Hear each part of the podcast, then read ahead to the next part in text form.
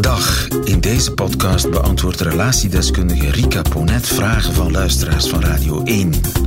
Vragen over familiale kwesties, relationele knopen, kapseizende huwelijken en krakende vriendschappen. Vraag het aan Rika.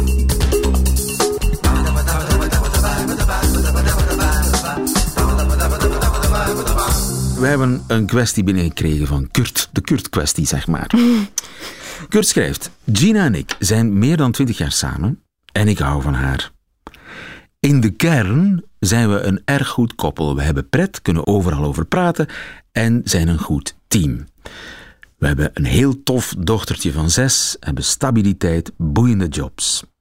En toch, zo'n tien jaar geleden had Gina iets met iemand anders. Toen ik het ontdekte, was ik er kapot van. Maar ze overtuigde me ervan dat ik de ware was voor haar en dat ze altijd voor mij zou kiezen. Intussen bleef ze die andere man zien, hadden ze ook seksuele contacten, maar het was duidelijk dat ik steeds op de eerste plaats kwam, schrijft Kurt. Met de geboorte van onze dochter kwam daar verandering in. Er kwam een einde aan haar tweede relatie. We kwamen als koppel in rustiger vaarwater, tot ik een jaar geleden stapelverliefd werd op Marjolein. Een fantastische vrouw die tien jaar jonger is dan ik. Ik vroeg Gina of ik Marjolein kon zien, net zoals zij dat had gedaan met die man. En ze vond het goed. We maakten duidelijke afspraken over wat en wanneer, net zoals Gina dat had gedaan. Maar na verloop van tijd wilde ik steeds meer bij Marjolein zijn. En nu zijn Marjolein en ik helemaal niet meer casual. Casual, hè? Dat, dat is, dat is een woord. nieuwe term, hè? Ja, ja, ja, casual. ja. We zijn We zijn casual. casual, ja. Dat betekent zo friends with benefits. Casual. Het, eh, Vriend, vriendschap met een beetje meer. ja. Maar ze zijn niet langer casual. We zijn van elkaar gaan houden en we hebben nu eigenlijk een echte relatie. Waardoor mijn relatie met Gina onder druk staat. In plaats van één open relatie heb ik nu dus twee concurrerende relaties. Het is een gespleten situatie en ik voel me de hele tijd schuldig tegenover zowel mijn gezin als tegenover Marjolein. Gina wil nu dat ik kies. En ik denk dat ze gelijk heeft. Maar hoe moet ik kiezen tussen een langdurige relatie, waar intussen wel wat frictie heerst en sleur op zit, en een nieuwe, frisse relatie die fantastisch loopt en veel potentieel heeft? Kurt vraagt toestemming volgens mij. ja, ik ging juist zeggen, het klinkt toch al een beetje alsof er gekozen is. Hè. Denk je? Ja, ik krijg vaak mensen langs hè, die worstelen met blijf ik of ga ik weg. En heel vaak En dan moet jij rechter. Eh, ja, en dat, dat doe ik dus niet. Hè. Ik probeer vooral ehm, samen met hen te kijken. ehm, ja, wat is maar ze het- hebben al een heel traject afgelegd, ja, hè? Wat is de consequentie van het ene en wat is de consequentie van het andere in positieve zin en in minder positieve zin? Wat zullen de uitdagingen zijn en eh, wat zullen de leuke kanten zijn van elke keuze die Ja. je maakt? Maar is dit het onvermijdelijke gevolg van het feit Dat dat, je zelf een beetje wilt knutselen aan Ja. die relatie? Van, jij, kijk, eh, wij doen het anders. Je, je mag een Mhm. friend, a casual zijn met iemand anders. Als je er maar open over bent, dat komt wel goed. Wij, we zijn elkaars eigendom niet en wij, Ja. wij bespreken dat allemaal en dat, dat kan. Dat kan, ja. Dit is het onvermijdelijke gevolg daarvan? Ik eh, vrees het wel. Ja, ik merk dat zo vaak. En Jan, ik wou dat ook eh, als eerste zeggen nadat ik dit verhaal had gehoord. Mensen proberen te ontsnappen aan het tekort dat in elke relatie zit. Niemand is 100% En de, de invulling van Ja. al jouw dromen, verwachtingen, ehm, eh, ideeën eh, over de liefde of over het leven. Ehm, en vandaag kan dat. Hè. We kunnen aan een tweede relatie beginnen. We kunnen eh, een satellietrelatie noemen we dat dan vandaag. Je hebt je basisrelatie en dan heb je een satellietrelatie. Het is ingewikkeld. Het is Heet ingewikkeld. dat dan Ja. op de sociale media? Mensen denken ook vaak dat dat totaal beheersbaar is. Hè. We, maken afspraken, of we hebben daar duidelijke afspraken over gemaakt. Wat Ja, ze dan klinkt goed, vergeten. hè? Je hebt, je ja, hebt- ja, je ja. hebt de stabiliteit en de liefde en het vertrouwen en het warme nest en dan de spanning en het- al het leuke en het nieuwe, frisse heb je ergens anders. Ja, ze vergeten dan dat er zoiets is als enerzijds het rationele, en dat is dan wat men daar afspreekt, hè, maar dat er ook in relaties, of vooral in relaties, een emotionele logica is en een emotioneel verhaal is, wat helemaal anders werkt en volgens heel andere wetmatigheden. Waar je geen controle over hebt. Waar ik, ik heb een podcast Seks verandert alles, niet dat ik daar nu reclame wil voor maken, maar eigenlijk gaat het ook daarover. Hè. Um, op het moment dat je met iemand intiem wordt en vaker intiem bent en regelmatig intiem bent, ben je eigenlijk bezig aan het uitbouwen van um, gehechtheid. Hè. Er ontstaat een soort van, dat komt op gang met seksualiteit, een gehechtheidsrelatie die, zeker als je elkaar vaker ziet en elkaar ook nog eens sympathiek vindt en fris en verfrissend en leuk en spannend. Kan hij nog terug? Um, gevoelsmatig is dat een hele, een, hele, een hele moeilijke, denk ik. Want je hoort het al in de bewoordingen. Het ene verhaal is sleur en uh, voorspelbaarheid.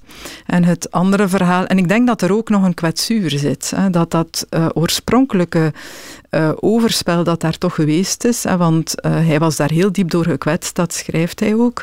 Het is heel belangrijk als mensen dat meemaken en ze gaan nadien verder, dat daar op de een of andere manier toch ook iets mee gebeurd is. Hè. Als dat gewoon dichtgedekt wordt en we gaan verder en we krijgen een kind en we, we bouwen nieuwe projecten in, um, dan sluimert dat. Dat blijft aanwezig en um, ja, dat zorgt er ook voor dat er in de intimiteit van die basisrelatie dat daar iets geschonden zit of een basisvertrouwen is dat niet, niet meer helemaal hetzelfde is als voorheen. En heeft hij dan uit een soort van, ja, kan ik zeggen, wraak? Ja, ik wil ook wel eens wat. Ik zou het geen wraak noemen, maar um, de loyaliteit of de, de, ja, uw, uw gevoel van intimiteit in dat basisverhaal is toch aangetast, is toch anders. Waardoor dat je inderdaad ook makkelijk, het vertrouwen is een stuk weg, want daar gaat het over. Waardoor dat je je toch wel ook makkelijker ontvankelijk opstelt voor iets nieuws. Maar misschien is hij nu heel verliefd en dat maakt blind, hè? Blind voor, voor wat hij heeft eigenlijk.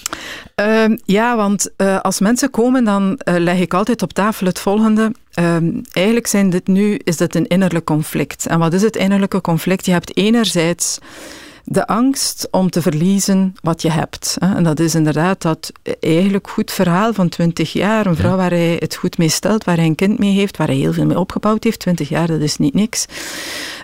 En een verlangen naar een invulling van iets wat in dat basisverhaal niet ingevuld wordt. En dat is dan natuurlijk dat frisse, dat spannende, ja, enzovoort enzovoort. Het is onvermijdelijk dat je dat verliest. Um, je kunt toch niet keer op keer op keer hetzelfde wachten, wachten tot sleur komt en dan naar iets nee. frissers overstappen? Um, en ik zeg dan ook tegen mensen van, weet je, als je nu uit dat basisverhaal stapt en je begint met die vrouw een vast verhaal, hè, want op dit moment is dat de, de tweede relatie, waar er altijd sprake is van, we spreken af en dat is in tijden beperkt, waardoor dat, dat altijd leuk is. Hè. Eh, haar haar is altijd gewassen als ik haar zie, dat soort verhaal. Plots ja, zie je ze ook s ochtends ongewassen, hè, om het heel een heel ander verhaal. En gaat ook die spanning liggen. Dus dan zie je dat dat um, toch op dat moment moment nog maar eens beginnen is in dat uh, tweede verhaal. En dan zie je in elke relatie komt na verloop van tijd Alleen sleur is misschien niet het juiste woord, maar de andere wordt sowieso deels een gewoonte. Dus, um, maar dat is concreet, de rationaliteit. Ja, concreet. wat, wat, ra wat, raad je Kurt aan? Een retraite, twee weken niks. Uh, ja, zich misschien even terugtrekken uit dat tweede verhaal. Maar anderzijds, ja, het is heel duidelijk, zijn um, eerste partner uh, wil absoluut dat hij kiest, omdat zij waarschijnlijk ook heel duidelijk voelt, uh, ik heb geen zin in dit concurrentieverhaal. Hè, want um, ja, absoluut. Uh, dat is, zij geeft duidelijk haar grens aan van dit zie ik niet zitten. Dus, um, ik denk ja, dat hij het al weet. Kurt. En ik denk dat hij het al weet. Alleen dat hij... Je zal toch emotioneel moeten kiezen? Eigenlijk. Ja, je kiest ook emotioneel. Ja. Hey, mensen die zeggen van ja, ik, ik, ik heb de pro's en de contra's afgewogen en ik heb twee lijstjes gemaakt. Zo werkt dat niet. Uiteindelijk. Ja, Met wie wil ik worden. Ja, de angst voor uh, verlies uh, is die groter dan het verlangen naar dat nieuwe verhaal? Of is dat verlangen naar dat nieuwe verhaal, waarbij dat je weet dat je ook bepaalde schuldgevoelens zult hebben, dat het ook niet allemaal simpel zal zijn, maar overstijgt dat verlangen? Maar ik hoor aan de kleur van jouw stem dat je denkt dat Kurt gaat vertrekken. Um, ja, omdat dat zit in de kleur van zijn verhaal. Dus um, tien jaar jonger, fris, leuk, ehm, ja, zet daar eens tegenover een vrouw die mij uh, tien jaar geleden, het is allemaal blijkbaar in de tien, in de tien uh, eigenlijk bedrogen heeft, waar dat ik toch een krenking uh, ervaren heb. En we zijn daar misschien wel uitgegroeid doordat we dan uit elkaar toestonden. Um, ja, daar zit wat verlies in dat eerste verhaal, of net wat te veel verlies. En er zit heel veel potentieel in dat tweede Maar alles verhaal. is mogelijk. Maar alles is mogelijk. Ja, ik spreek daar, mij daar ook nooit over uit. Ik denk, ja, mensen maken keuzes en gaan daar nadien ook meestal op terugkijken als de juiste keuze. Zo doen we dat ook in het leven. Waarom? Ja, geef jezelf eens toe dat je de foute stap gezet hebt en, uh, en je daar toen een uh, ander verhaal had moeten schrijven. Dus, Kurt, uh, ik ja. hoop dat we je wijzer hebben gemaakt. Heeft u zelf een vraag voor Rika Ponet? Stuur ze dan naar nieuwefeiten.radio1.be. En wie weet hoort u het antwoord in een volgende podcast. Namen worden sowieso veranderd.